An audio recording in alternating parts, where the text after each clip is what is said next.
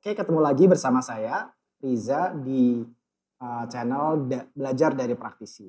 Nah, um, seperti biasa kita akan banyak ngobrol tentang um, profesi tertentu, tentang orang yang menggeluti profesi tertentu. Nah, um, kali ini kita akan ngobrol dengan Arinda, Arinda Arimurti. Uh, dia itu adalah psikolog uh, klinis di um, di beberapa tempat ya dah ya. Di sekolah iya. Praktek. Iya betul. Praktek juga iya ya? Ya praktek iya gitu. Nah sering juga jadi pembicara di tempat lain. Makanya aku tertarik uh, ngajak ngobrol. Tapi kali ini dia tidak sedang aku akan tanya-tanya tentang tema-tema yang biasa dia bawakan. Tidak tentang mental health-nya tentang isu-isu itu. Tapi justru tentang pekerjaan dia gitu sih. Sesuai dengan apa yang biasa kita bawa di channel ini Nah, uh, mungkin boleh perkenalkan diri. Dah. Terima kasih, Za. Uh, hai pendengar, sapaannya apa nih biasanya nih? ada, belum ada. Oke, okay, halo selamat pagi, siang, sore, ataupun malam. Kayak uh, nama saya Arinda, sekarang sibuknya di um, beberapa tempat, domisilinya di Jakarta. Um, apalagi? Apalagi, Mak? Apalagi? Itu dulu kali ya? Hmm, itu dulu aja kali ya. Paling juga pengen nanya sih sekarang berarti uh, kesibukannya di mana aja tuh berarti itu selain yang tadi udah aku sebutin atau yang tadi aku sebutin juga boleh diceritain sih. Iya, aku sekarang uh, memang ada di beberapa tempat. Hmm. Uh, sehari-hari uh, aku jadi guru pengajar hmm. di sebuah SMA swasta di Jakarta. Yang kuajarin adalah psikologi. Jadi legit belajar psikologi. Uh, okay. Psikologi dasarnya masa kuliah tuh dibelajari ya. sama dipelajari sama uh, teman-teman di SMA. Nah, aku okay. ngajar di situ. Kemudian uh, setelah ngajar biasanya aku masih di sekolah juga uh, berperan sebagai konselor di sekolah di level SMA juga. Mulai dari konseling, uh, ketemu orang tua sampai kayak bikin-bikin program gitu deh untuk anak-anak SMA-nya. Terus Sabtu Minggu biasanya konseling, uh, nerima konsultasi baik online ataupun offline, tatap muka. Uh, uh, klinikku ada di Kemang, di klinik Brawijaya Kemang. Uh, kemudian kalau misalnya lagi nggak ada pasien, kadang-kadang uh, ngisi-ngisi acara atau mungkin ngasih psikoedukasi ke teman-teman mahasiswa ataupun masyarakat umum. Nah, di lain kesempatan itu juga aku di Pijar Psikologi.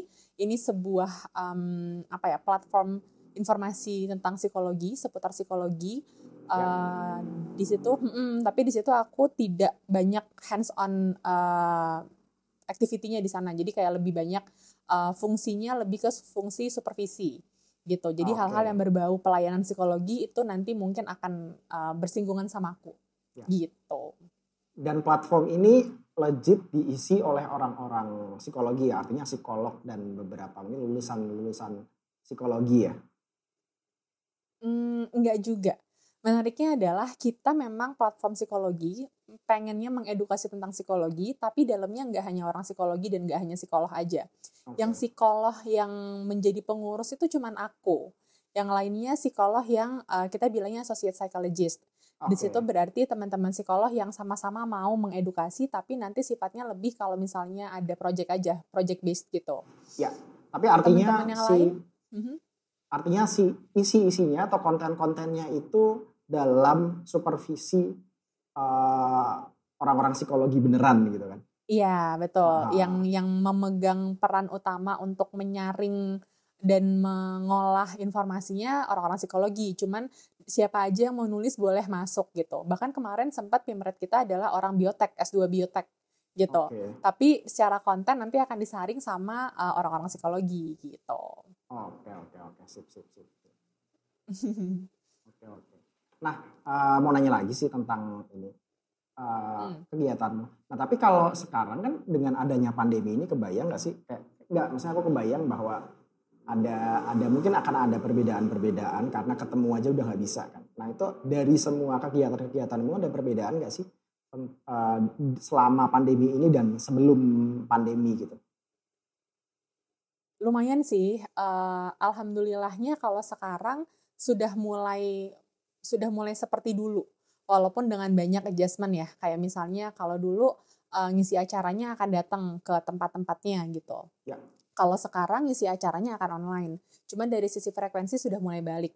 Tapi kalau kita flashback dikit ke awal-awal pandemi itu terasa hmm. banget sih dampaknya. Jadi grafiknya tuh dari yang tadinya mulai mungkin stabil gitu ya di tengah-tengah, terus pas pandemi awal tuh turun banget hmm. semuanya, konsultasi uh, apa konsultasi, ngisi acara tuh turun banget tapi sekolah stabil. Kemudian sekarang mulai balik ke titik stabil lagi bahkan beberapa hal kayak konseling tuh mulai nambah gitu. Baik ya. Jadi mulai mm -mm, mulai banyak kemarin juga uh, perawat di ini di klinikku bilang sekarang lebih banyak pasien buat psikolog miss uh, miss sorry sekarang lebih banyak pasien buat uh, psikolog bu daripada yang ke dokter umum gitu. Jadi emang hmm. grafiknya naik event event-event juga mungkin kalau misalnya uh, kamu ngeh atau mungkin teman-teman yang dengar juga ngeh sekarang banyak banget webinar live Instagram apalagi you iya, name yeah, it yeah, lah yeah, gitu yeah, yeah, yang yeah. isinya ngebahas tentang kesehatan mental jadi kesehatan ya mental, gitu ya, sih betul. beda ada yang ada yang relationship ada yang tentang parenting. tumbuh kembang anak ya parenting iya gitu ya. betul gitu gitu nah uh, tapi deng, jadi gini uh, kan dengan berbagai apa namanya dengan berbagai kesibukan itu dengan berbagai kegiatan itu seberapa uh, seberapa banyak sih yang sudah pernah kamu bayangkan ketika masih muda dulu katakan masih SMA bahwa akan kamu lakukan saat ini? Masih SMA uh, misalkan uh, uh, masih SMA mungkin kalau menjadi psikolog udah mulai uh, kalau konseling mungkin menjadi sesuatu yang mudah dibayangkan ya Hmm. Nah, tapi kayak sekarang ternyata harus ngisi sesuatu juga, ternyata jadi pengajar. Nah itu dari berbagai pilihan itu bidang itu yang sudah terbayang sejak masih muda itu yang mana gitu?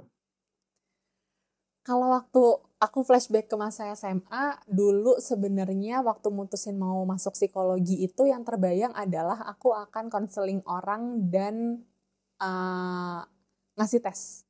Jadi ngetes orang-orang karena awalnya banget yang bikin aku mau masuk psikologi tuh karena tes IQ kayak menarik aja kenapa oh. sih kayak orang bisa nentuin itu keluar angka gitu dari cuman jawab-jawab pertanyaan gambar-gambar um, pohon rumah oh. orang gitu kan kayak keluarnya angka gimana deh ceritanya gitu. Nah, yeah, yeah. awalnya gara-gara itu jadi aku mikir kalau aku masuk psikologi maka aku akan sama kayak mbak-mbak yang ngetes aku dulu gitu.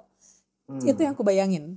Tapi kayak sekarang aku jarang banget ngetes gak kayak jarang banget aku tes IQ orang. Bahkan kayak kapan ya terakhir kali aku tes IQ aku harus inget-inget gitu. Dan ngomong di depan umum percaya nggak percaya dulu aku tidak bisa ngomong di depan umum gak oh ya aku nanya pertanyaan aja aku mikir sampai pulang sekolah. Serius aku nggak aku tidak I'm not the kind of girl dulu waktu di SMA ya karena ketika kamu kuliah kamu tidak terlihat uh, effort untuk itu Kayak oh. udah, maksudnya ketika kamu bicara di depan umum, bahkan pernah di beberapa event kamu jadi moderator juga kan, mm-hmm. acaranya approve dulu. Nah itu kan kayak apa namanya, ya kamu kayak udah jalan-jalan apa lancar-lancar aja gitu, kayak nggak ada effort, nggak ada nggak ada oh gitu. nggak ada gejolak gitu nggak tahu ya mungkin nggak tahu ya. Mungkin karena ayah sama ibuku juga terbiasa di bidang itu jadi mungkin ada ada beberapa hal yang menurun ke aku aku nggak tahu. Tapi dulu tuh enggak paling pas kecil aja sih kayak uh, hmm. beberapa kali tampil nari. Dulu aku nari aku nari dari kecil. Kan waktu kuliah juga aku nari ya, ya. aku nari dari kecil. Tapi untuk ngomong di depan umum uh, memandu, memandu sebuah acara menjawab pertanyaan menyampaikan pendapat atau presentasi tuh enggak ya, ya enggak ya. gitu. Jadi kayak sama sekali nggak kebayang sih sama apa yang aku kerjakan sekarang. Sekarang enjoy. Gitu. Sekarang enjoy. Sekarang enjoy. Ya, ya. Oke, okay. um, menarik sih. Nah, soalnya aku bener-bener gak, kalau kamu nggak cerita yang sekarang ini, nggak nggak kebayang karena kayak kayaknya emang ini orang suka ngomong aja deh dari dulu gitu. gak, gak, gak, gak kelihatan sama sekali gitu loh. Uh, ibuku sih bilang kayak ah. emang teteh tuh dari kecil cerewet jadi emang aku dari hmm. kecil suka nanya, aku dari kecil hmm. suka explore macam-macam, suka ngomong tuh aku bilang, aku aku kayak gitu. Cuman bukannya di depan umum gitu loh. Terus nama aku sendiri Arinda Arimurti. Arimurti itu diambil dari nama penyiarnya Prambors. Namanya legit okay. Arimoerti. Kayaknya kalau yeah. di googling sekarang ada deh. Dan itu kayak penyiar favoritnya ibuku. Mungkin okay. ibuku berharap suaraku renyah kayak kayak ya, beliau gitu ya. mungkin yang kan nama adalah doa ya. Jadi yang terkabul mungkin cuma bagian cerewet bagian dan bisa ya. ngomongnya gitu. Iya iya iya iya iya ya, ya. gitu sih man. Tapi kamu sendiri aku jadi penasaran. Kamu sendiri dulu juga membayangkan gak akan ada di posisi ini mengerjakan apa yang sedang kamu kerjakan sekarang? Membayangkannya enggak, tapi mem mempertanyakan banyak hal tentang bidangku saat ini ya. Jadi misalkan hmm. gini, ada momen ketika Muhammad Riza Rahman SMA nonton TV, kemudian bertanya-tanya kenapa brand, kenapa company ngebayar miliaran rupiah untuk sesuatu yang tidak secara atentif, tidak secara apa namanya, secara penuh kesadaran ditonton. Kan iklan maksudku. Iklan itu kan orang nggak nggak segitunya nonton ya.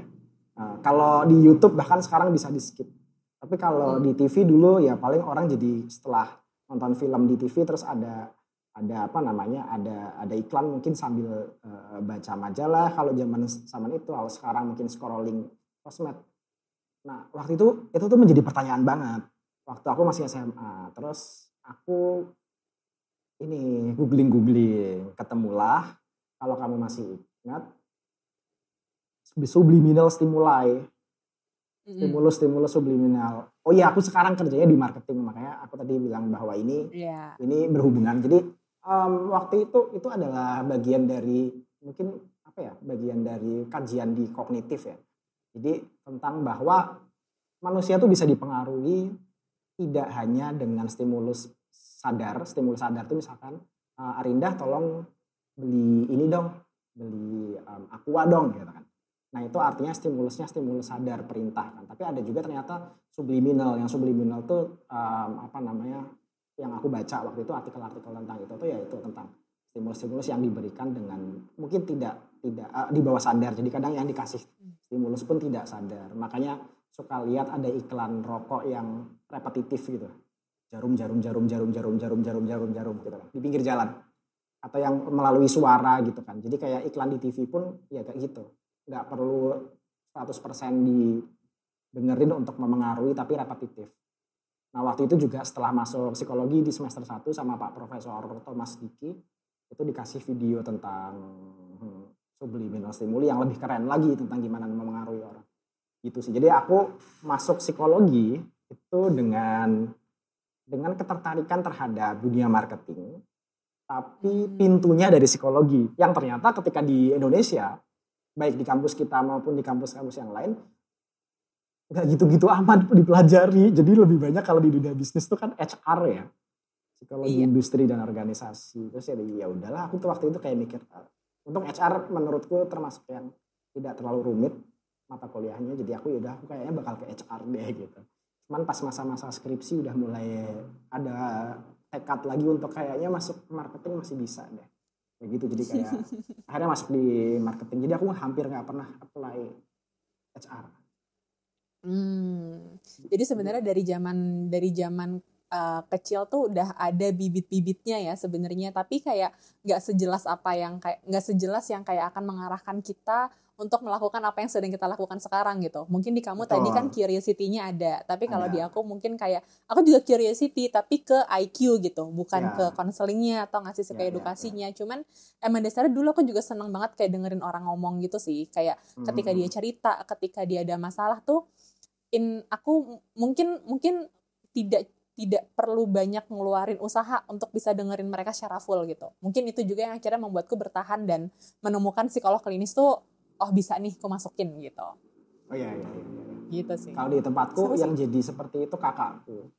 Karena kakakku psikolog mm -hmm. klinis, kakakku psikolog dan mm -hmm. kalau aku nanya, kalau aku nanya ke ibu tuh malah lebih karena ibu dari dulu pengen psikolog, cuman waktu itu nggak kesampaian, suka baca-baca bukunya, terus sejak kecil kalian udah ibu bawa ke psikolog.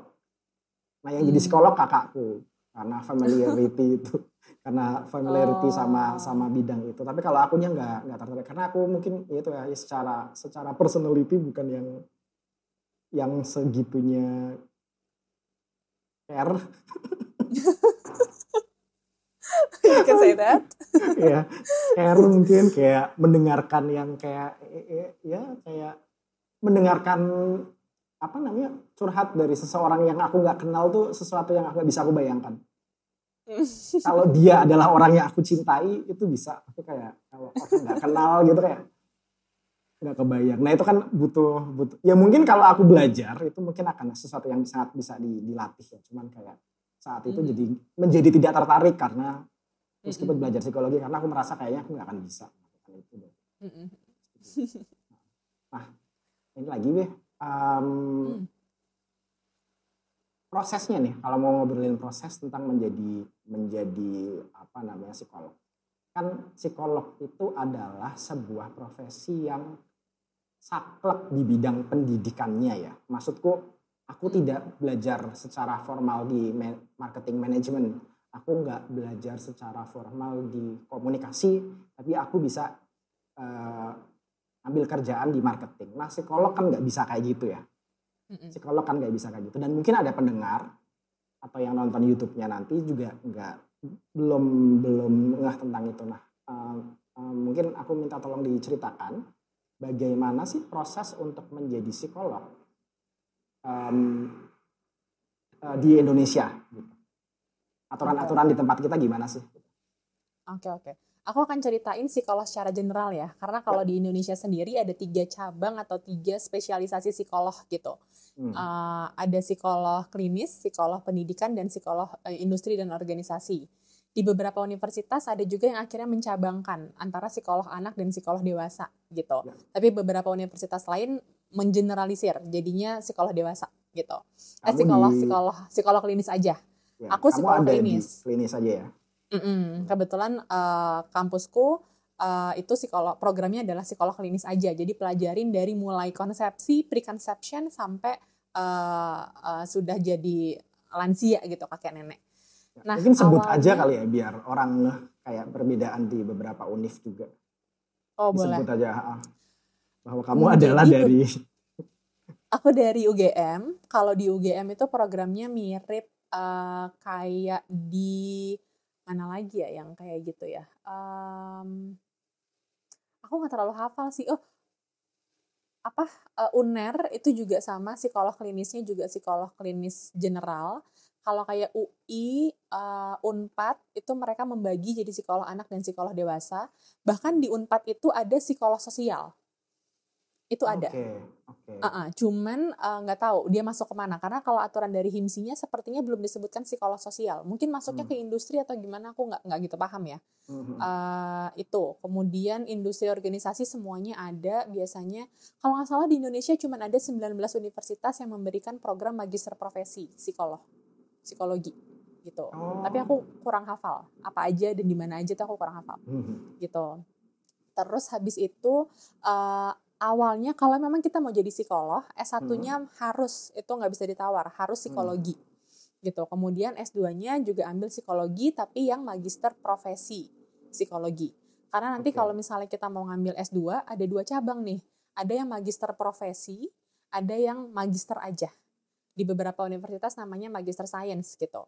Kalau hmm. magister science nanti ketika kita masuk sana akan lebih banyak ngomongin tentang konsep pembentukan teori, pengembangan teori dan seterusnya gitu. Jadi lebih ke pengembangan ilmunya itu sendiri. Ya. Tapi kalau magister profe uh, oke, okay. yang sains dulu. Yang sains lebih ke teori berarti nanti ketika lulus uh, ranah yang akan bisa didalami, yang boleh didalami adalah ke ranah-ranah yang berkaitan dengan pengembangan teori atau mungkin pengembangan konsep uh, pembuatan program berdasarkan teori dan seterusnya gitu. Hmm. Tapi tidak boleh memberikan diagnosa, memberikan terapi itu nggak boleh gitu. Hmm. Mereka juga nggak punya izin praktik. Jadi nanti um, disebutnya sebagai peneliti atau ilmuwan psikologi. Ilmuwan psikologi. Gitu. Ya, ya. Hmm. Nanti kalau yang magister profesi dia akan ada double degree. Berarti ada degree yang magisternya aja, sama ada yang profesinya aja. Profesinya. Gitu magister berarti sama kayak tadi, berarti seorang yang menjadi psikolog itu sama de- juga memiliki kompetensi sebagai ilmuwan psikologi. Jadi boleh tuh, neliti-neliti itu boleh banget halal. Hmm. Tapi kita ada tambahannya, ada si profesinya ini, yaitu Uh, berarti kalau kita masuk ke profesi, kita punya kualifikasi untuk memberikan terapi, untuk mengadministrasikan dan menginterpretasikan alat tes, membuat diagnosa, itu bisa gitu. Diagnosa, tapi kalau diagnosa klinis hanya bisa ditegakkan oleh psikolog klinis. Psikolog oh, pendidikan tidak boleh memberikan diagnosa, tapi yeah. boleh memberikan kesimpulan gitu, kayak um, mereka sebenarnya juga diajarin sih buat membuat diagnosa, tapi lebih kepada gangguan belajar bukan ya. ke yang klinis banget gitu. Jadi misalkan uh, misalkan misalnya seperti um, disleksia, disleksia kuliah. Gitu. Hmm, Cuman gitu, mungkin gitu, kalau misalkan gangguan disleksianya sudah kan disleksia tuh aku lupa sih tapi kayak misalkan dia sulit memahami pola-pola huruf hmm. nulis baca tulis gitu kan nah sehingga ketika kebayangkan anak kecil sebenarnya anaknya pinter tapi nggak bisa uh, baca tulis sehingga mungkin dia tertekan dan itu bisa mempengaruhi kepribadian dia yang memungkinkan mm. ada gangguan klinis juga ya. Mm. Nah itu kalau kalau itu sampai sudah terjadi sampai gangguan klinis baru dia harus di refer ke psikolog klinis ya. Iya, biasanya kalau misalnya uh, teman-teman di psikolog pendidikan akan fokusnya adalah fokus dari kenapa mereka menegakkan diagnosa sampai membuat uh, program intervensinya adalah untuk membantu proses belajarnya, okay. untuk membantu mereka untuk tetap bisa menerima informasi dan belajar gitu, hmm. menerima pendidikan. Tapi hmm. ketika nanti sudah ada singgungan dengan bagaimana keberfungsian anak atau orang ini di society atau mungkin kayak uh, ada gangguan emosional yang lain atau uh, hubungan sama keluarga dan lingkungan sekitar yang mulai terganggu. Nah, itu atau ada perilaku-perilaku membahayakan, itu baru nanti sudah masuk ke ranahnya psikolog klinis. Klinis. Gitu. Oh, agak tipis-tipis sih emang jadinya ya, ya, kayak ya. that's why klinis suka masuk pendidikan pendidikan suka masuk klinis kayak kayak gitu-gitu. Iya iya iya. Ya. Jadi kalau bisa disimpulkan kalau bagi teman-teman yang ingin menjadi psikolog maka pilihan pendidikannya mau nggak mau harus S1-nya harus S1 psikologi Betul. kemudian ambil S2 S2-nya itu uh, harus juga di magister profesi ya psikologi. Mm -hmm. Nah, baru Betul. bisa baru bisa legit disebut sebagai psikolog. Nanti bisa dapat apa sih istilahnya? S, SRT, SIRT sih surat izin Enggak. SIPP dulu, SIPP sama SPP, SSP. SIPP adalah surat izin praktik psikologi. Okay. Jadi itu legit kita boleh praktik dikeluarinnya sama HIMSI. Kemudian HIMSI itu himpunan uh, himpunan psikologi Indonesia. Mm -hmm. Kemudian yang kedua adalah SSP, surat sebutan psikolog. Nah, oh. ini ini yang uh, ini yang membuat uh, sebutan psikolog di belakang namaku tuh jadi legal gitu. Oh, okay, gitu. Ini yang ngeluarin juga psikolog uh, HIMSI, yang ngeluarin juga HIMSI. Baru nanti kalau misalnya memang mau berpraktik, itu nanti ngurusnya sama IPK, Ikatan Psikolog Klinis. Ini adalah organisasi profesi yang mengurusi uh, dan menaungi psikolog klinis di Indonesia gitu. Nanti ada lagi hal-hal uh, yang perlu diurus kayak SIPPK, Surat Izin Praktik Psikolog Klinis lebih hmm. spesifik lagi. Hmm. Kemudian STR, kalau STR ini yang ngeluarin adalah Dinkes karena psikolog klinis sudah termasuk sebagai uh, tenaga ya. kesehatan ya. dan harus terdaftar juga di Dinkes gitu. Uh, gitu-gitu deh. Jadi uh, kurang ya. lebih itu mungkin uh, beberapa ya, hal ya. yang yang perlu ada gitu. Oke, oke. Nah, selama proses itu tadi, selama proses S1 terus uh, berproses menjadi menjadi psikolog dari S1, S2 dan lain-lain hmm Yang challenge yang dirasakan apa aja sih, Be? Challenge-nya tuh dari diri sendiri, Oke. Oke, apakah dari Maksudnya diri sendiri gini. itu adalah sesuatu yang boleh diceritakan? Oke, okay, disclaimer ini akan mengandung unsur curhat ya, Bun. Jadi kayak mm, karena gini, uh, sebenarnya kalau dari sisi keilmuan gitu ya, kalau orang-orang bilangnya ah psikologi mah gampang bisa dipelajari dan seterusnya. Hmm. Aku perlu sepakat dengan itu in a way. Dalam artian memang psikologi bukan bukan ilmu yang mungkin kita benar-benar perlu uh, apa ya, perlu di apa ya istilahnya kayak mungkin kayak matematika itu kita perlu perlu punya base tertentu untuk bisa memahami uh, ini tertentu dan seterusnya. Pola pikirnya juga agak berbeda hmm. dengan bagaimana kita kehidupan sehari-hari. Tapi kalau psikologi kan cenderung dekat dengan kehidupan sehari-hari dan dirasa seperti ah gue mah udah tahu gitu Ya, uh, ya, hindsight bias jangan sangat ada di di sini dalam Ya, proses kita betul. melihat psikologi gitu kan betul. tapi menurutku kayak uh, yang membedakan adalah bagaimana kita yang belajar atau ngambil pendidikan psikologi secara formal akhirnya bisa mempelajari um, ilmu ini secara runtut dan secara menyeluruh dari mulai Hmm. historinya seperti apa dan possibility pengembangannya akan seperti apa gitu. Uh, sehingga sebenarnya dari sisi konten itu tidak terlalu sulit asalkan mau membaca kuncinya menurutku adalah mau membaca dan mau berpikir kritis kalau di psikologi atau menjadi psikolog Hmm. yang menantang adalah ketika kita mau menjadi psikolog itu berarti kita semacam punya komitmen mengikat komitmen dengan diri sendiri untuk membantu masalah orang lain atau setidaknya menjadi partner untuk orang lain melihat dan menyelesaikan masalah dia gitu Ya. dan untuk berdekatan berarti kita semacam mengizinkan diri sendiri untuk nyemplung ke masalahnya orang Orang. Ya kan? Ya, ya, ya. Itu kalau kita sendiri masih punya banyak masalah dan belum tahu gimana nyelesainnya yang ada beneran nyemplung ya nyemplung tenggelam di situ gitu. Ya, ya, ya, betul, gitu. betul. jadi itu tantangan terbesar sebenarnya. Gimana aku sebelum ketemu sama pasien atau klienku itu aku sudah ngerti deh. Mungkin kalau masalah orang bilang kayak lo selesai dulu deh sama sama uh, masalah lo.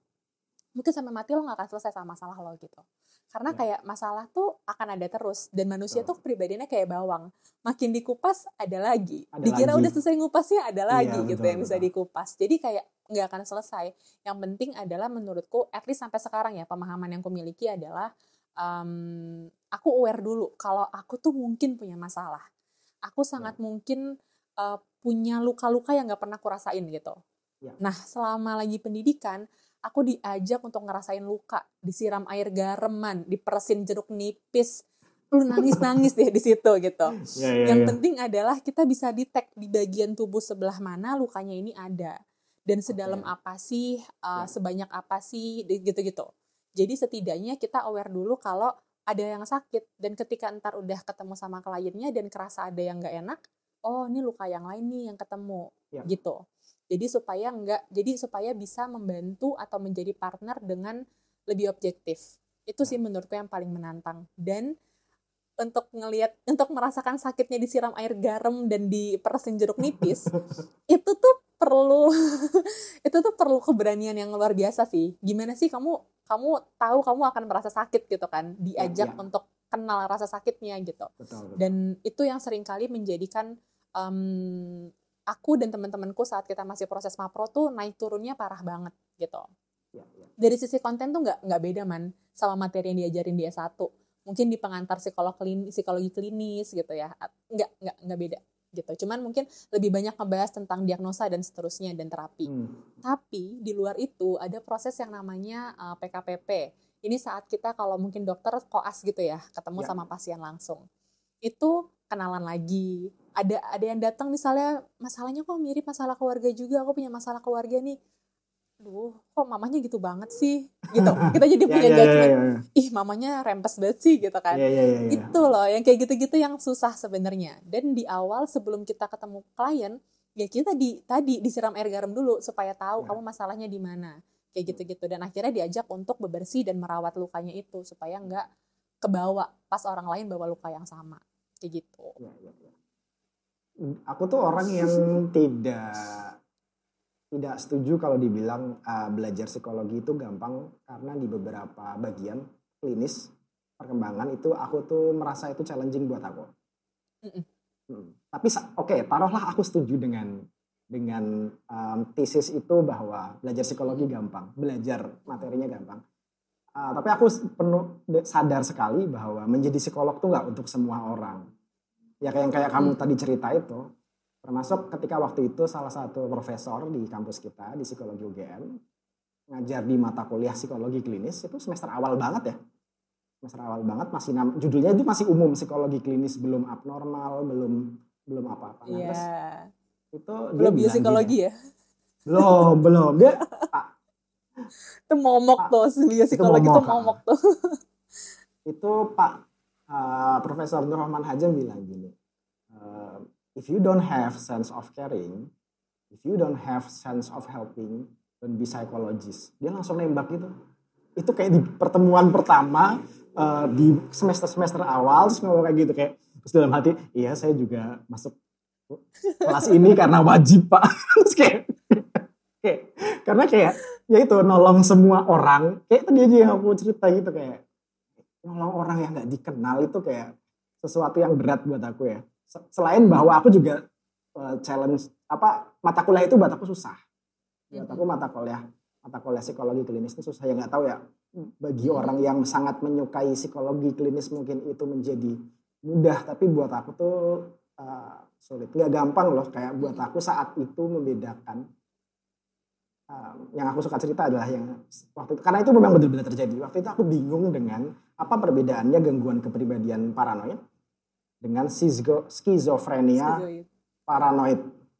Hmm. Ada ada ada ada nama paranoid di belakang dua term itu yang artinya beda banget.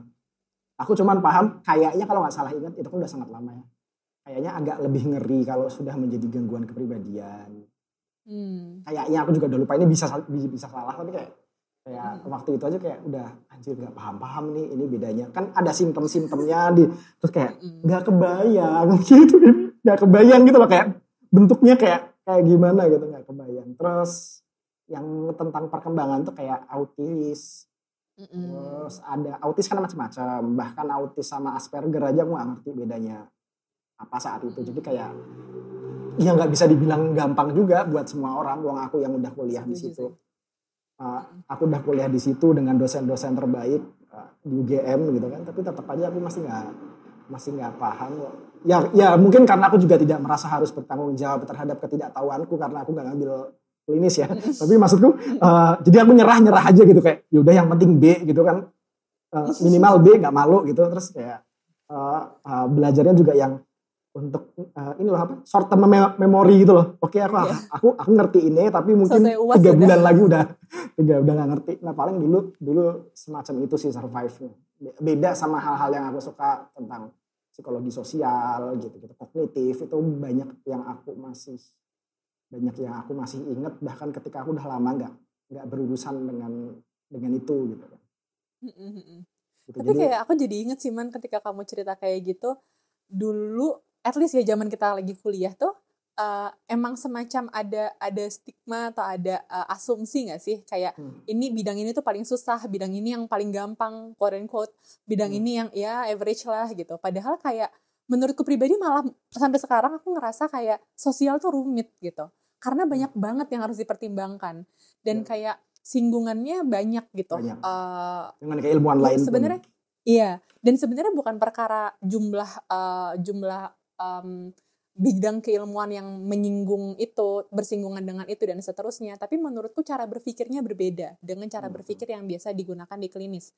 Mungkin ini yang menjadikan kita susah gitu ya. Aku susah ya. masuk ke bidang kamu, kamu susah masuk ke bidangku gitu. Karena hmm. cara berpikirnya beda sekali gitu. Tapi ketika jadi kayak akhirnya subjektif kan, sangat-sangat ya, subjektif gitu. benar. gitu. Mana yang susah dan Pio tuh sampai sekarang aku kayak apa sih penggajian orang apa sih gitu kayak kenapa sih susah banget?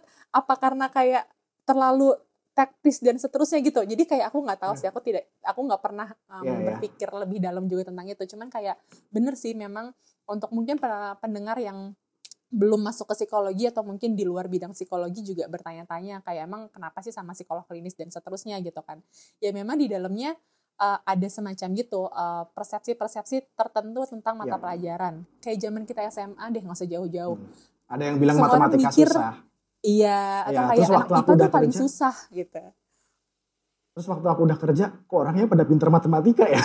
kok banyak banget yang pada pinter ya? Terus kayak, iya. kayaknya dulu pada orang pada ngeluh.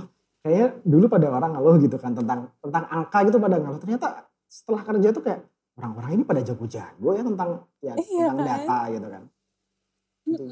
Bener kalau tentang yang di di dalam psikologi merasa mata kuliah ini lebih sulit atau apa namanya ke ke apa sih istilahnya dulu tuh klinis dan sosial itu istilahnya apa sih? Nah di pembagian-pembagian itu klinis lebih susah, ini lebih susah gitu. Aku tidak merasakan itu waktu itu.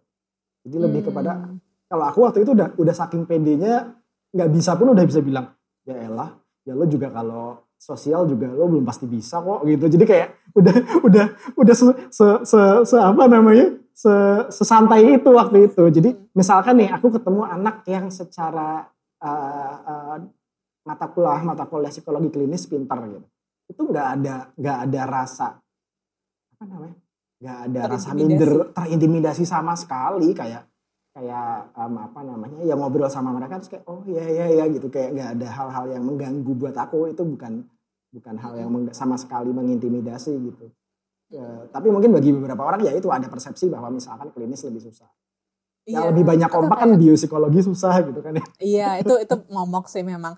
Atau kayak misalnya kamu ingat gak sih dulu misalnya kayak tanya, kamu kan kita kan nggak ada penjurusan ya uh, S1 hmm. ya, cuman kayak hmm. ada peminatan aja mau ya, ngambil apa gitu kan. Terus kayak kalau uh, denger nih pas lagi kayak resan terus kayak ngambil pilihannya apa aja ini itu ini itu yang klinis hmm. Weh, anak rajin gitu langsung gitu. itu belum yang ini. Padahal kayak hmm? belum yang psikometri.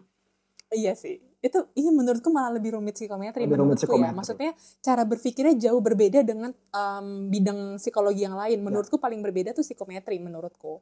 Hmm. Tapi ya gitu. Mungkin dulu belum belum se se ini sekarang ya masih pembagiannya ya cuman yang psikolog klinis, pendidikan, perkembangan, industri sama sosial aja gitu. Ya, ya. Itu sih. Lu jadi mana-mana man ngobrolinnya oh, man. ya pokoknya itu lah. Ya. Pokoknya pokoknya ada banyak cabang nanti kalaupun teman-teman mau masuk mau pengen jadi psikolog pun nggak hanya klinis kok. Jadi kayak Betul. ada beberapa, ada tiga lah seenggaknya ada pendidikan dan ada industri. Selain itu pun bisa jadi nanti udah kuliah juga akhirnya memutuskan untuk tidak jadi psikolog tapi masih di bidang-bidang yang relate sama psikologi itu juga bisa. Kayak sosial psikologi sosial itu kan nggak nggak nggak selalu dekat dengan apa namanya um, keprofesian psikolog gitu loh betul. Setuju sih. Sama ini dia. Nah balik lagi ke pekerjaan nih biar nggak kelantur ke mana-mana. Balik hmm. lagi dari pekerjaan. Nah dari banyak pekerjaan itu ndah kan ada praktek, ada ngajar, ada ngisi-ngisi psikoedukasi, gitu kan. Ada apa namanya menumbuh kembangkan sebuah platform kesehatan mental. Nah dari semua kegiatan itu um, kegiatan apa sih yang paling menyita um, konsentrasimu? Maksudnya in term of waktu, tenaga, pikiran gitu yang paling banyak uh, ngabisin bandwidth kamu tuh yang mana? So far sih yang di sekolah, uh, baik itu ngajar ataupun menjadi konselor. Karena kalau ngajarnya itu sendiri, uh, terutama karena lagi online ya, jadi hmm. uh, modul yang kemarin ku buat jadi harus dirubah lagi gitu, karena menyesuaikan okay. dengan uh, interaksinya online dan seterusnya gitu kan. Uh, tapi memang aku ketika aku awalnya sign up untuk pekerjaan itu kemudian diterima aku sudah pengen aku semacam punya janji sama diriku sendiri untuk kayak Rin ini pertama kali anak-anak ini encounter dengan psikologi jadikan ya. memorinya membekas dan membekasnya positif gitu ya. Jadi kayak aku beneran berpikir gimana caranya ini pelajarannya bisa menyenangkan untuk mereka walaupun ya. dari secara um, tuntutan akademis memang lebih tinggi daripada yang lain. Tapi kayak gitu. Jadi sehingga sekarang ketika aku mengerjakan beberapa aktivitas sekaligus pun itu yang paling paling banyak menyita waktuku. Yang kedua adalah membuat program dan ngasih konseling di sekolah. Itu yang paling cukup banyak menghabisi waktu sih. Kalau yang lainnya kayak lebih menyesuaikan karena lebih bisa fleksibel okay. kan karena kamu jadi kayak ada ya itu, itu tadi ya ada tanggung jawab pribadi untuk untuk yeah. berusaha uh, ada dorongan untuk membuat itu benar-benar menghasilkan apa memiliki hasil yang sangat bagus yaitu anak-anak mm. itu punya memori positif tentang psikologi dan anak iya. SMA diajari psikologi yang beneran psikologi itu kan kayak enggak agak rumit ya maksudnya kayak Mm-mm. Ini psikologinya bukan yang kayak teman-teman baca artikel-artikel yang sudah yeah. buah ibarat buah tuh karena artikel-artikel tuh banyak seperti kamu makan jeruk tapi udah dikupasin uh, bijinya udah dikeluarin. Keluarin. Jadi itu bener-bener sebuah uh, petikan apa ya? cuilan gitu loh tinggal dimakan gitu loh. Uh-uh. Ngomongin tentang uh, baru kadang kan orang kan kayak ya aku sendiri pun kan kadang ngebaca artikel misalkan tentang yang lagi rame inner child gitu kan.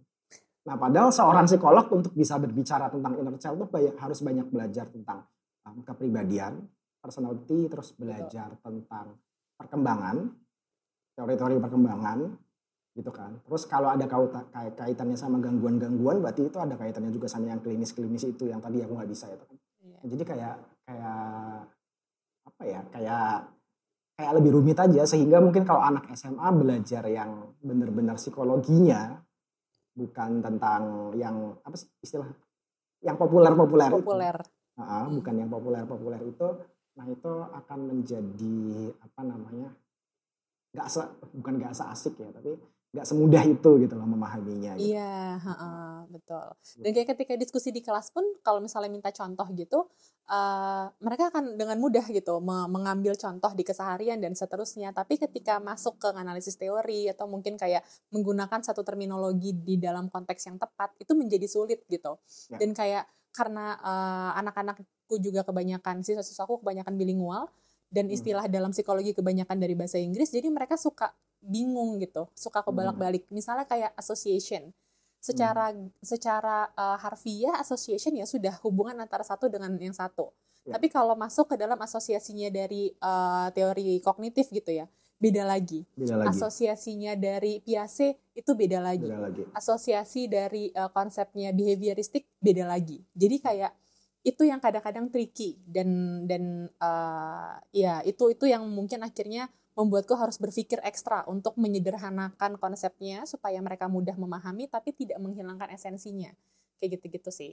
Secara realistis juga sebenarnya kenapa pekerjaan ini paling banyak menyita waktu karena kontrak kerja, of course. gitu sih man. Ya, ya. Ini mohon maaf ya para pendengar kalau misalnya kayak sesekali saya manggil Riza man atau Riza manggil saya B gitu. Ini kayak panggilan kuliah kita seperti itu. Jadi kayak iya, sulit betul. sekali untuk menghilangkan itu. Jadi mohon dipahami ya. ya. Itu bukan bukan orang yang berbeda kok. Terus ini gitu. mau nanya lagi. Um, ada nggak sih alasan khusus untuk seorang Arinda mengerjakan banyak bidang-bidang itu atau kesibukan-kesibukan itu dalam waktu yang bersamaan. Kan bisa aja sebenarnya uh, kamu fokus pada praktek misalkan. Jadi benar-benar satu minggunya itu untuk praktek doang. Atau mungkin jadi pengajar-pengajar doang. Atau fokus dengan pijar gitu-gitu lah. Nah, um, ada nggak sih alasan-alasan khusus untuk untuk apa namanya ngerjain itu secara sekaligus gitu? Hmm. Mungkin ini juga yang muncul di pertanyaan beberapa orang kali ya karena kayak melihatku ini itu ngerjain ini itu segala macam terus kayak tapi sebenarnya kalau dari diriku pribadi bukan berarti dengan aku mengerjakan banyak hal sekaligus maka itu meniadakan kemungkinan aku akan fokus di satu pekerjaan. Tidak. Hmm. aku memikirkan juga kemungkinan itu tapi mungkin tidak sekarang. Karena gini awal dari realisasi ini adalah ketika aku pertama kali kerja setelah lulus S1 waktu itu sama aku juga kerja di dua tempat di sekolah sama di klinik waktu itu hmm. jadi terapis kemudian uh, di situ aku melihat bahwa dari bekerja di dua tempat ternyata ada dua perspektif lah minimal yang akan bisa aku pelajari atau akan hmm. bisa aku pahami perspektifnya sekolah dan perspektifnya klinik misalnya dalam memberikan hmm. pelayanan minimal terus kayak di dua hal ini juga aku bisa explore banyak hal di sekolah aku belajar lagi bahasa Inggris di uh, klinik aku belajar lagi tentang terapi jadi dari situ aku merasa bahwa oh pengalamanku kaya ketika aku bisa melakukan banyak hal sekaligus gitu. Hmm. Kemudian uh, dari situ juga aku merasa bahwa ternyata apa yang aku dapetin di kampus tuh nggak cukup gitu. Kayak pertama kali kerja baru kita lulus S1 tuh kan rasanya kita aku siapa aku di ya, mana yeah, yeah. gitu kan kayak yeah, yeah. kemarin gue belajar apa aja empat tahun tiga setengah tahun gitu kan kayak yeah, yeah, yeah. gitu jadi kayak harus belajar lagi dan seterusnya dari situ aku baru kayak semacam oke okay, berarti setelah ini aku perlu belajar lagi. Gitu sih sampai akhirnya aku uh, kuliah lagi S2 sebelum selesai S2 pun aku sambil dipijar juga waktu itu. Hmm. sama uh, semangatnya tuh sama. Uh, sambil pijar sambil beberapa kali ikut lomba atau ikut acara-acara dan seterusnya gitu. Itu semangatnya sama. Aku nggak mau waktuku hanya hanya dihabiskan di tempat ini aja. Apalagi aku ngerasa waktu itu sambil kuliah tuh menurutku ya informasinya hanya itu aja uh, pengetahuannya tuh di situ aja. Menurutku hmm. tidak bisa, at least untuk aku pribadi ya, aku tidak, aku memilih untuk tidak menggantungkan satu sumber informasi aja. Ya. Aku memilih untuk aku yang menjadi aktornya di sini, bukan dosen-dosenku gitu. Ya. Jadi aku yang memutuskan untuk mencari informasi lain. Dan uh, waktu aku lagi S2 itu aku kebetulan uh, ikut sebuah lomba internasional. Kemudian lolos jadi semifinalist. Kemudian masuklah ke sana. Dan uh, lombanya ini bukan lomba psikologi, tapi lomba um, social challenge gitu. Jadi social social innovation. Jadi hmm. kita diajak buat mikir sebuah inovasi untuk menyelesaikan sebuah masalah sosial. Ketemunya sama orang-orang yang bukan dari psikologi, ya. gitu. Dan kayak menarik banget perspektifnya. Aku diajarin ah. kayak bisnis model kanvas. Nggak hmm. pernah aku belajar itu di psikologi. Nggak mungkin psikologi belajar ya. itu. Value preposition, branding, apalagi macam-macam di situ aku belajar public speaking bahasa Inggris. Yeah. aku ngerasa kayak wow, wow, wow, banyak banget nih informasinya. Wah kaya banget nih gitu. Di situ aku berpikir bahwa psikologi itu bagus tapi psikologi doang um, nggak deh buat aku. Kayak nggak cukup hmm. buat aku. At least buat aku. Jadi kayak oke okay, aku mau cari lagi cabangnya. Psikologi bisa ketemu sama ini bisa ketemu sama itu. Di hukum tuh ada banget bisa banget apply psikologi. Di bisnis yeah. apalagi bisnis. Ekonomi ternyata banyak juga teoris uh, di ekon uh, para ekonomis tuh yang juga belajar psikologi. Dan banyak hal. Ada, itu ada, di situ yang akhir. Uh-huh. ada profesor yang menang Nobel uh, Nobel ekonomi. Uh-huh. namanya Daniel Daniel Kahneman. Aku aku nggak ngerti bacanya gimana. Uh-huh. Daniel Kahneman tulisannya K A H N E M A. Itu profesor psikologi. Hmm. Itu profesor psikologi, saya ingatku ya, itu profesor psikologi dan kalau nggak salah bener orang yang itu, itu mendapat Nobel ekonomi karena uh, pendapat-pendapat dia yang uh, di di bidang ekonomi yang itunya rujukannya tuh justru berawal dari psikologi. Aku udah lupa juga tentang gimana detailnya. Cuman ya itu bahwa bahwa itu bisa di ekonomi. Terus waktu masih kuliah juga beberapa teman yang belajar finance itu nanya beberapa hal ke aku karena skripsinya berkaitan sama uh, bidang itu mereka namai sebagai behavioral finance.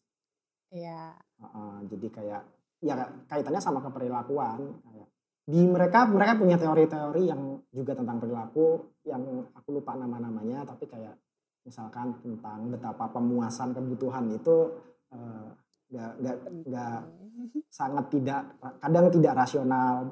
Terus mm terus apa namanya ketika kamu udah penuh ke sini nanti akan ada ini lagi aduh lupa lagi istilah-istilahnya. Tapi itu memang waktu aku baca artikelnya kayak ya emang ini ngaruh-ngaruh aja. Ini mah kayak psikologi tapi di konteks finance gitu kan jadi iya, emang betul betul nah menariknya ngomongin psikologi itu ini loh apa namanya karena bisa nyambung ke mana-mananya gitu mm -mm. cuman sepakat sih jadi kayak merasa bahwa aku bisa membayangkan bahwa ada orang bernama Arinda yang ketika ada ketemu konsep-konsep dari luar psikologi juga ih seru juga ya gitu kan. Mm-hmm. Karena kayak kayak yeah. aku aku pun kan gitu karena kan ya agak meloncat ya. Apa mm-hmm. marketing itu kan nggak bener-bener kan banyak hal yang nggak bener-bener bener-bener nggak dipelajari di marketing. Di psikologi chart yang banyak dipakai itu bell eh apa kurva yang paling banyak dipakai itu kan bell curve ya kurva normal. Mm-hmm. Di marketing ada yang namanya Pareto, ada yang namanya lain-lain. Nah itu kan hal-hal kayak gitu kan hal baru yang kayak anjir waktu pertama kali kayak udah kayak orang bego aja nih nggak ngerti sendiri yang lain pada ngerti gitu kan. Iya. Uh, betul. Tapi betul. Uh, pengalaman merasakan bahwa ada orang lain di posisi yang sama tahu terus aku nggak tahu tuh juga menarik sih. Jadi kayak kan jadi harus kepaksa belajar gitu kan. Kepaksa aja mm. jadi kayak oh harus ngejar-ngejar ini gitu. Nah itu jadi kayak kayak sesuatu yang terus sekarang aku juga baca tulisan-tulisan dari psikolog-psikolog atau ilmuwan psikologi. Aku baca bukunya Regis sampai selesai. Aku baca bukunya Regis sampai selesai yang apa sih judulnya? Aku lupa uh, Loving the Wounded Soul. Loving the Wounded Soul itu terus kayak itu kan klinis banget ya. Terus aku waktu baca tuh juga kayak banyak hal yang karena aku tidak mendalami klinis meskipun itu masih psikologi itu hal-hal yang baru. Kayak kayak tentang apa sih namanya?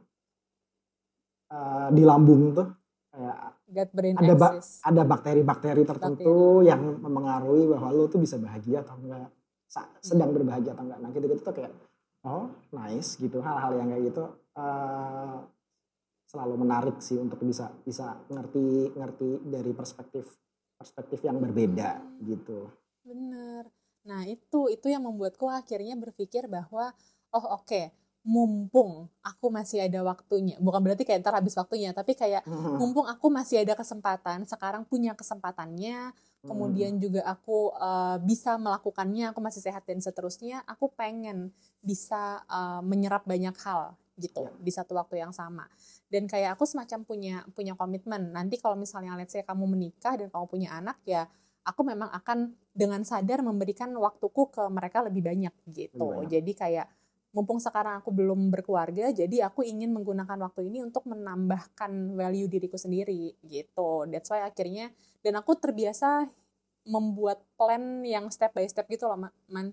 Jadi kayak hmm, misalnya hmm. nih, sekarang aku sengaja mengambil uh, karir sebagai guru gitu. Padahal hmm. secara kredit ini nggak akan mendukungku di sisi keprofesian. Keprofesian. Ya. Uh, aku aku itu aku aku ada risknya di situ, ada risikonya. Makanya aku sambil praktek Hmm.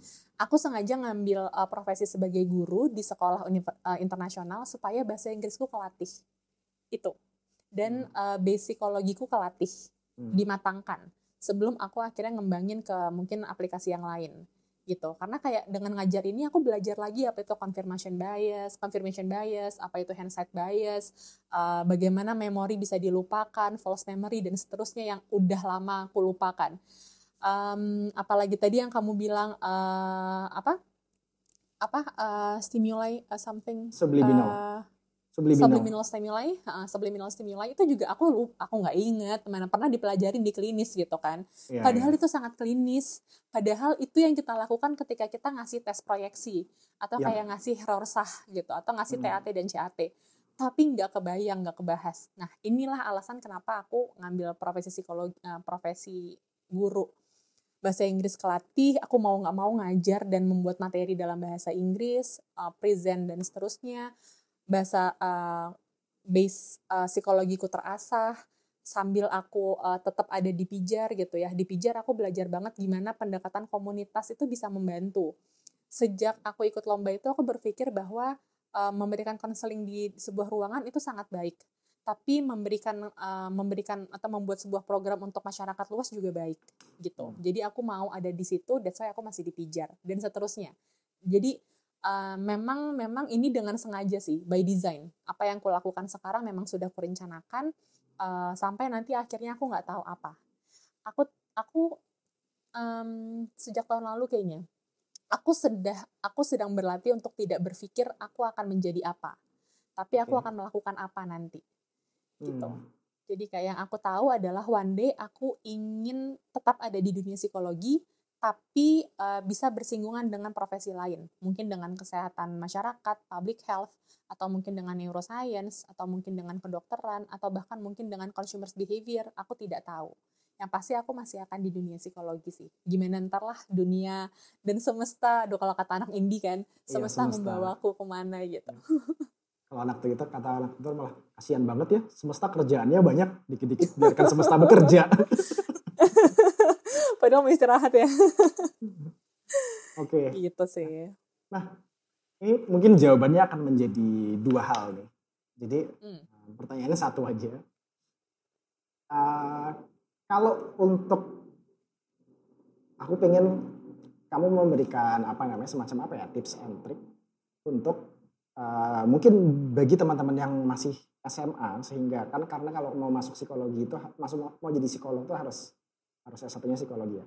Nah, itu tips and trick untuk yang masih SMA gimana dia apa yang perlu dia siapkan untuk menjadi psikolog dan mungkin um, juga uh, tips and trick untuk yang uh, sudah kuliah S1 psikologi tapi mungkin kan masih ada kegalauan atau ada gimana atau ada hal-hal yang dia nggak ngerti tentang menjadi psikolog. Nah itu Aku ingin kamu memberikan sudut pandangmu terhadap uh, hal itu.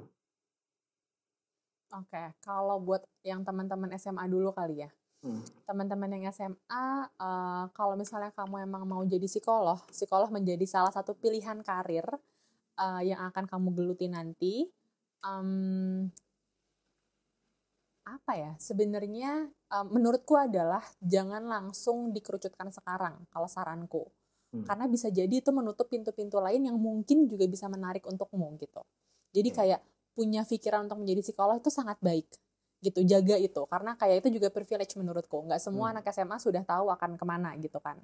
Ya, ketika betul. kamu sudah ketika kamu sudah tahu kamu akan menjadi psikolog pegang itu buat jadi fuel dasar uh, tapi tetap bukalah pintu-pintu lain gitu. Karena aku juga sering kok mungkin mama uh, mungkin Riza juga tahu gitu. Teman-teman kita di awal-awal ada yang eh aku mau jadi psikolog aku mau jadi psikolog. Akhirnya enggak. Ya. atau kayak kita bisa perfectly picture them menjadi seorang psikolog. Tapi ternyata pathnya lain. Dan dia senang di situ. Gitu. Jadi kayak boleh punya vision ini tapi juga jangan sampai menutup ke kesempatan-kesempatan lain. Kemudian um, apalagi ya? Sebenarnya tidak ada dan tidak seserem itu untuk jadi psikolog tuh sebenarnya. Yang penting hmm. kamu punya kemauan. Karena untuk menjalani proses mapro itu bukan proses yang mudah. Dalam hmm. artian hmm. tadi kita harus ketemu sama diri sendiri lagi akhirnya gitu kan. Cuman uh, itu nggak usah dipikirin sekarang. Yang penting kamu tahu dulu kamu masuk psikologi and that's enough. Udah, hmm. jalanin aja dulu. Nanti di dalam kamu akan nyobain semua bidang, klinis, pendidikan, industri, dan seterusnya. Kamu yang akan menemukan sendiri gitu. Ke mana atau bidang apa yang lebih sparks joy gitu kan. Itu ya. yang perlu dicari sebenarnya. Terus kalau misalnya untuk yang uh, mau berpikir masuk Mapro nih, udah selesai S1 kemudian mau masuk Mapro, um, yuk dikuatkan tekadnya dan dibulatkan komitmennya. Karena nggak sering sering ya serius, ini benar-benar tidak tidak jarang, sorry, tidak jarang aku menemukan mahasiswa Mapro yang uh, di tengah-tengah, hmm. emotionally, hmm. bukan secara finansial. Secara finansial tentu ya ini perlu disepakati juga karena nggak murah. Cuman uh, secara emosional itu luar biasa sih. Perjalanan perjalanan spiritualku kayaknya itu salah satunya deh gitu. Serius dan kayak um, beberapa akhirnya drop banget gitu. Beberapa akhirnya justru bertumbuh sekali dari proses itu. Jadi kayak uh, yang difikirkan jangan hanya uh, tentang tentang pekerjaan apa yang akan kamu lakukan dan memenuhi segala tugas supaya cepat selesai dan dapat ijazah, bukan. Tapi justru gunakan kesempatan kamu mapro untuk kenalan lagi sama dirimu sendiri. Aku pernah ngobrol sama temanku, menurutku dia bagus banget obrolannya. Dia bilang gini, menurut gue, uh, privilege besar dari mengikuti pendidikan formal itu bukan ilmunya, Rin.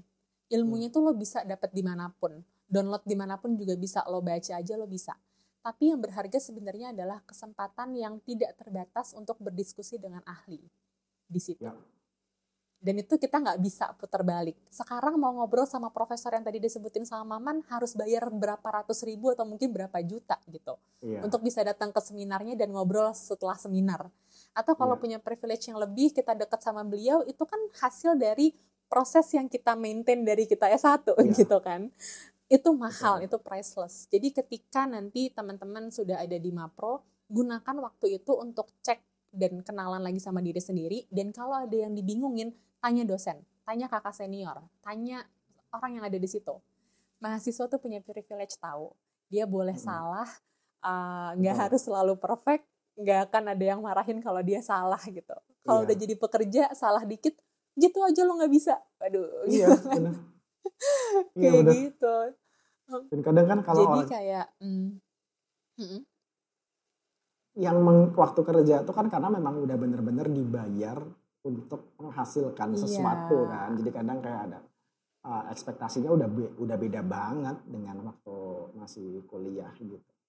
Benar-benar dan satu lagi sih, ketika kamu memutuskan, aku tidak tahu di bidang uh, psikolog yang lain ya, pendidikan dan industri.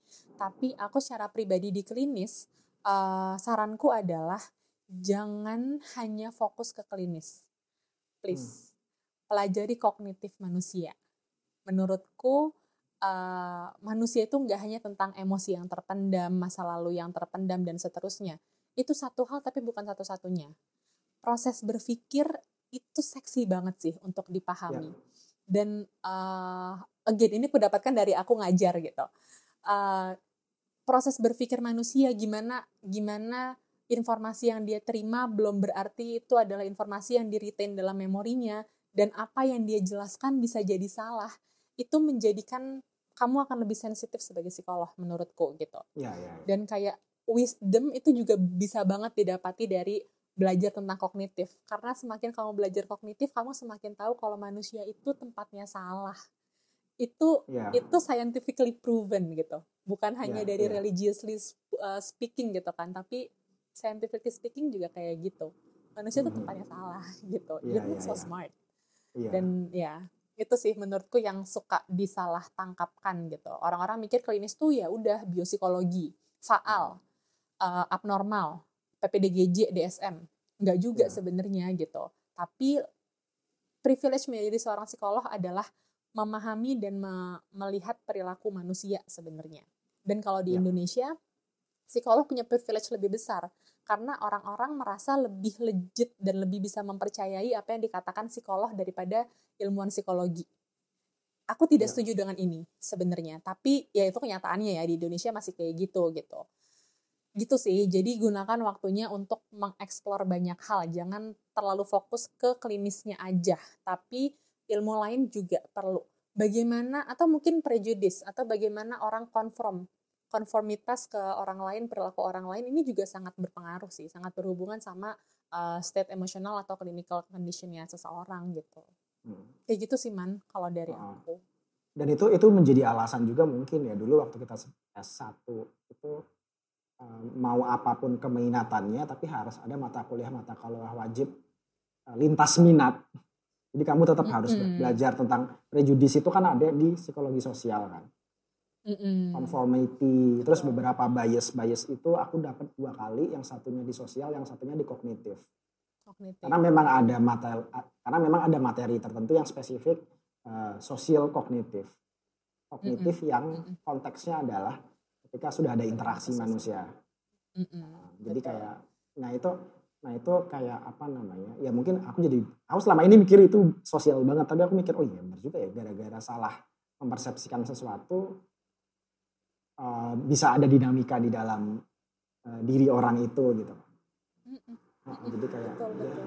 yang menjadikan stigma begitu menjangkit di seluruh dunia mau semaju apa pun dunia ya tetap ada stigmanya gitu ya, ya itu perilaku sosial banget gitu ya, itu ya. itu nggak bisa dijelaskan hanya dari perspektif klinis menurutku sangat hmm. egois menurutku tapi ketika kita bisa melihat itu dari sudut pandang yang lain mungkin psikologi sosial mungkin bahkan ekonomi mungkin bahkan uh, kebijakan publik itu ada banget gitu. Itu itu menjadikan kamu menjadi orang yang sangat kaya gitu ketika bisa melihat dari banyak perspektif menurutku ya.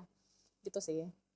Ya ya ya. Sip sip sip. Thank you thank you. Ini berharga banget sih karena kayak terus banyak pertanyaan ini lagi nih.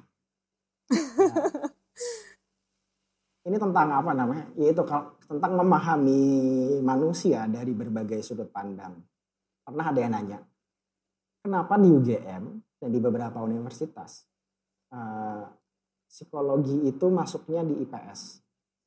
Hmm. Tapi di Unpad masuknya di IPA. IPA. Udayana gitu. juga IPA. Udayana juga IPA ya. Nah, terus NS. Ya, aku cuma jawab waktu itu jawabannya gini ya, nggak memang nggak nggak nggak bisa uh, ngomongin psikologi itu nggak bisa cuma dari satu sisi. Mungkin akhirnya ada yang memutuskan ini dimasukin ke ranah IPA, ada yang IPS. Tapi ya pada akhirnya bagaimanapun itu ranahnya ya manusia adalah makhluk biologis yang kompleks yang berada di uh, konteks sosial yang juga kompleks. Mm-hmm. Ya lo kuliah yang di Unpad yang IPA atau di UGM UI yang uh, eh, IPS itu tetap harus ngeh dua-duanya. Di UGM IPS tetap belajar kok tentang neuro neuroscience-nya tentang tentang sisi-sisi bahwa ternyata oh ternyata oksitosin tuh membuat orang menjadi seperti ini. Oh kalau lagi deg-degan adrenalin jalan, terus kortisol juga banjir misalkan kalau lagi sangat sedih gitu kan. Nah, itu kan kortisol, adrenalin, apa you name it lah oksitosin itu semua kan adanya di di, di biopsikologi atau faal yang sangat tidak hmm. IPS itu kan. Tapi uh, kenapa orang ini bisa mengeluarkan kortisol? Barangkali karena konteks-konteks sosial. Jadi kayak nggak bisa di inilah nggak bisa di apa nggak bisa dipecah-pecah gitu banget. Kayak kenapa harus IPA kenapa harus IPS gitu sih. Gitu. menurutku akhirnya kayak itu cuman cuman apa ya? Uh, aku nggak tahu sih. Mungkin ya itu perspektif yang secara secara umum dianut oleh universitas tersebut atau dalam uh, yang ditawarkan dalam program tersebut. Maksudnya ketika kamu juga mau apply sebuah universitas kan tiap universitas punya programnya masing-masing ya. Angle Betul. apa yang mau ditekankan gitu, mana yang hmm. lebih dikuatkan dan seterusnya gitu. Makanya kayak Udayana sama Unpad mereka milih untuk lebih menguatkan di uh, IPA-nya gitu atau mungkin yang uh, eh, UGM sama UI lebih ke sosialnya misalnya kayak gitu. Tapi perspektif aja sih gitu. Ya. Aku juga bilang ini ke siswa-siswa aku kayak kamu belajar psikologi itu bukan belajar teori, kamu belajar perspektif kita hmm. belajar perspektif. Yang menjadikan psikologi itu ilmu psikologi ya karena kita belajar perspektif dan kita selain mengkritisi satu perspektif yang lain, kita juga mengapresiasi uh, perspektif tersebut gitu. Jadi sama kayak si IPA IPS itu juga sebenarnya perspektif aja dalam memahami tadi yang kamu bilang perilaku manusia. Sebenarnya heartnya adalah heart jantung dari ilmu ini ya perilaku manusia gitu dan proses berpikirnya. Itu sih. Betul betul. Wah, extend banyak nggak nih waktunya nih? ya udahlah ya. Saya tidak disponsori jadi bebas-bebas saja mau ngapain, uh, mau sepanjang apa. Nah ini mungkin pertanyaan, pertanyaan terakhir nih. Pertanyaan hmm. terakhir. Hmm. Seandainya nih, uh, seandainya ada mesin waktu yang bisa mempertemukan Arindah saat ini dengan Arindah masih sangat muda, misalkan masih SMA lah, gitu uh, apa nasihat yang akan Arindah senior berikan kepada Arindah junior yang dia temui berkaitan tentang um, psikolog ini, profesi psikolog ini?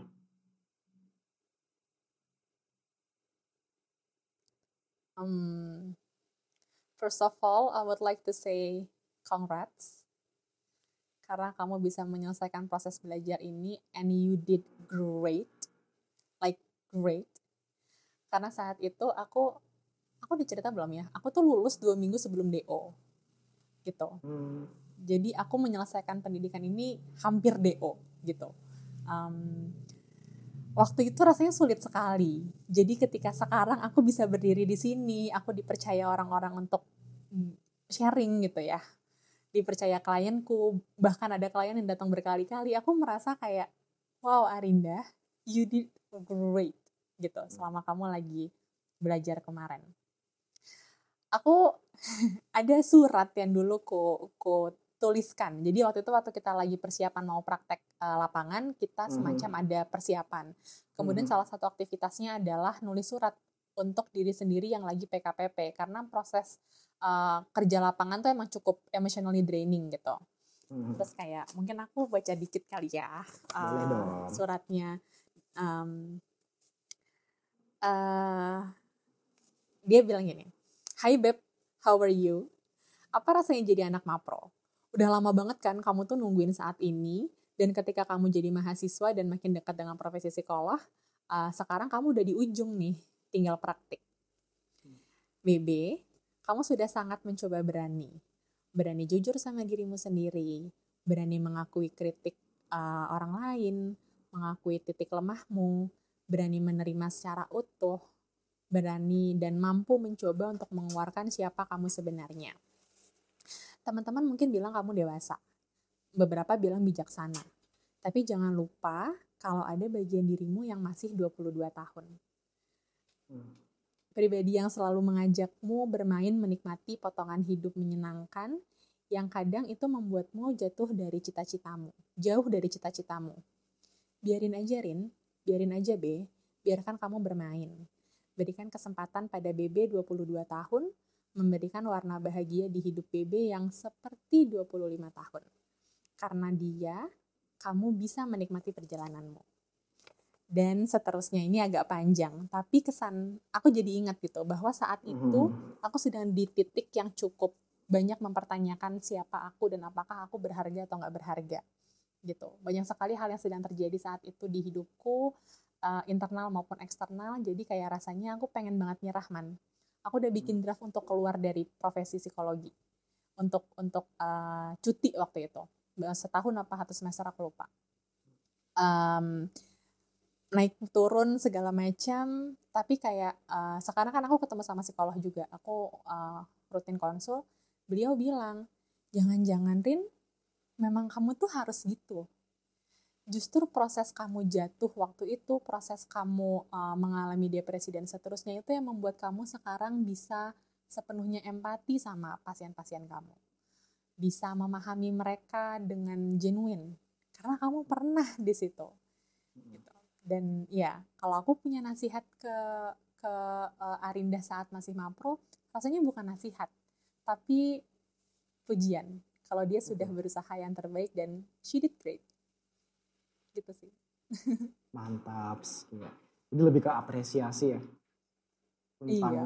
tentang tentang perjalanan ini dan mungkin surat ini cukup menggambarkan betapa kayak berwarnanya ya proses untuk menjadi menjadi menjadi mm -mm. psikolog tapi ketika Seorang ketika psikolog. Tapi ketika itu tercapai ya pasti ada kepuasan yang kayak kayak bisa digambarin lah ya. Kayak nggak kebayang sih aku di posisimu terus tiba-tiba sekarang. Ya benar kayak tadi tuh kayak startnya dari mana terus um, sekarang bisa bisa didengerin oleh orang uh, apanya? Omongannya gitu lah bener-bener bahkan kayak waktu itu aku ingat banget tahun lalu tuh aku terapi dan tujuan terapinya adalah untuk lebih self compassion ke diri sendiri. Hmm. terus kayak apa lu ngisi acara tentang self compassion sekarang harus terapi diajakin sama psikolog profesional lo bayar berapa juta gitu kan untuk bisa self compassion gitu. Maksudnya ini juga yang mau aku sampaikan untuk teman-teman yang berpikir untuk jadi psikolog. Psikolog itu juga manusia even sikat juga butuh sikat lain untuk bersihin dirinya bersihin sendiri dirinya. gitu jadi kalau misalnya kalau misalnya kayak emang kamu ngerasa kamu nggak bisa kamu butuh dibantu ya kamu bantu dirimu sendiri hmm. uh, lakukan apa yang kamu katakan ke orang lain gitu jangan sampai enggak terus kayak uh, dan yang namanya manusia ya nggak mungkin sih menurutku ada manusia yang nggak pernah luka ya. main sepeda aja ada jatohnya gitu kan ada ya. keseleonya gitu jadi pasti pasti ada pasti ada luka lukanya gitu. Dan nggak apa-apa justru itu yang bikin kamu jadi jadi mungkin malah jadi pribadi yang lebih kuat gitu. Karena kamu pernah ada di posisi itu dan tahu. Minggu lalu tuh man uh, aku nggak tahu sih ini apa tapi sepertinya aku dapat panic attack. Karena kayak denyut jantungku bisa sampai 134 per menit gitu. Aku pakai hmm. yang jam tangan itu kayak sampai setinggi itu gitu. Terus kayak aku nggak bisa nafas. Aku jalan-jalan muter-muter rumah keringetan dan uh, attack pertama kali itu setelah aku ngisi webinar. Jadi hmm. kayak yang bener-bener kerasa ya selesai ngisi webinar aku basah. Badanku tuh basah rambutku lepek gitu. Keringetan banget padahal aku di AC di kamar. Habis itu kayak hari minggunya hari seninnya dan seterusnya tuh aku itu ada serangan-serangan beberapa kali serangan sesak nafas dan seterusnya. Kayak sampai sekarang pun Arinda yang kamu ajak ngobrol sekarang pun masih struggling dengan situasinya gitu. Jadi hmm. Nggak apa-apa teman-teman kamu mau jadi psikolog bukan berarti kamu harus bersih uh, dari jadi semua orang yes betul bukan bener pas lulus kamu dapat uh, surat izin praktik bukan berarti kamu sudah lulus juga dari luka-lukamu. Enggak. Kamu masih akan terus berproses sih menurutku dan sangat penting untuk menyampaikan itu ke orang-orang terdekatmu. Bahkan mungkin kalau memang harus sampaikan ke pasien juga sampaikan aja menurutku ya. Uh, at least ini yang ku, ku, ku pahami dan ku anut sampai sekarang. Mungkin ada pendapat yang berbeda. Tapi menurutku so far aku selalu ketika aku rasa aku butuh cerita, aku akan sampaikan ke ke pasienku kalau saya pun pernah loh di posisi itu dan nggak apa-apa yuk bareng-bareng gitu hmm. kayak gitu sih being genuine tuh bukan hanya sekedar dengerin terus angguk-angguknya kelihatan tulus atau empatinya kelihatan alami yeah. enggak enggak juga gitu. Enggak hanya tentang itu. It's one thing but it's not uh, the only thing from being yeah, yeah, uh, of being a genuine person gitu. Gitu. Sip sip sip sip sip Insightful Wah, sekali ya.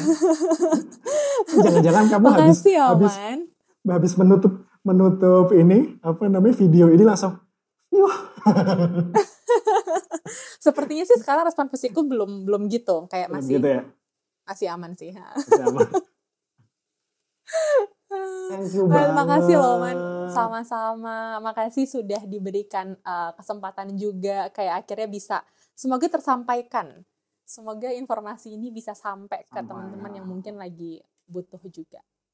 Iya dan kalau ada yang pingin uh, uh, konsul ke Ibu Arinda juga bisa jadinya nantinya ya. Tadi di mana sih? Aku lupa Bu. Di tiga generasi. Tiga generasi. Uh, institusiku institusi yang membawahiku adalah tiga generasi. Boleh dicek di Instagramnya @tiga generasi.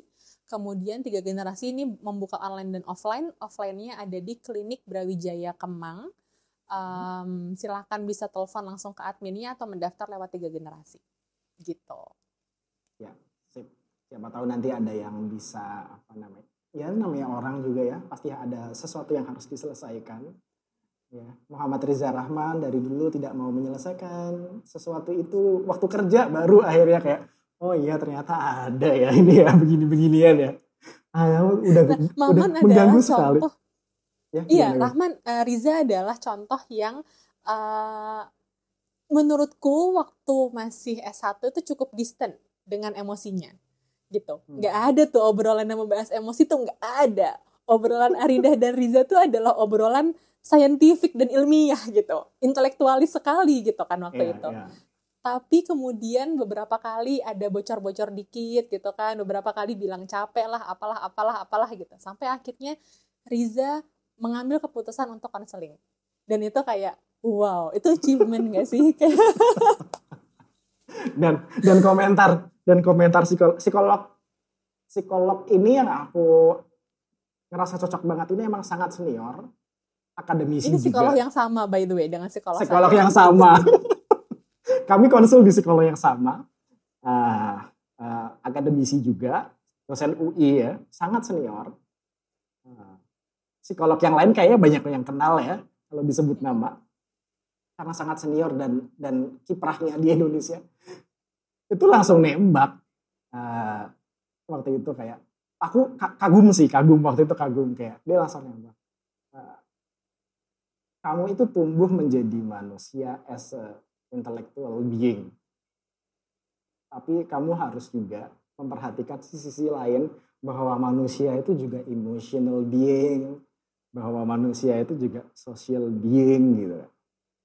Yang kayak ya kayak ya ya ya ya ya ya, ya. kayak tapi dan aku merasa kagumnya ke dia karena dia aku adalah dia melihat aku sebagai orang yang sangat intelektual maka pendekatan dia jelasin ke aku. Pendekatan pendekatan dia ngetrit aku itu juga aku rasa sangat intelektual. Bahkan dia minta aku baca beberapa hal termasuk buku-buku eh, buku terus mungkin kayak ada artikel jurnal gitu-gitu nah itu terus cara ngomong dia itu aku rasa itu nggak nggak disamaratakan ke semua klien sih ya karena modelnya begini aja model model kliennya begini terus kayak ya dia harus sampaikan sampaikan itu gitu. Oke deh. Oke deh. Thank you, thank you Arinda. Sama-sama. nanti sesi ini bermanfaat buat yang mendengarkan atau yang ngomong juga.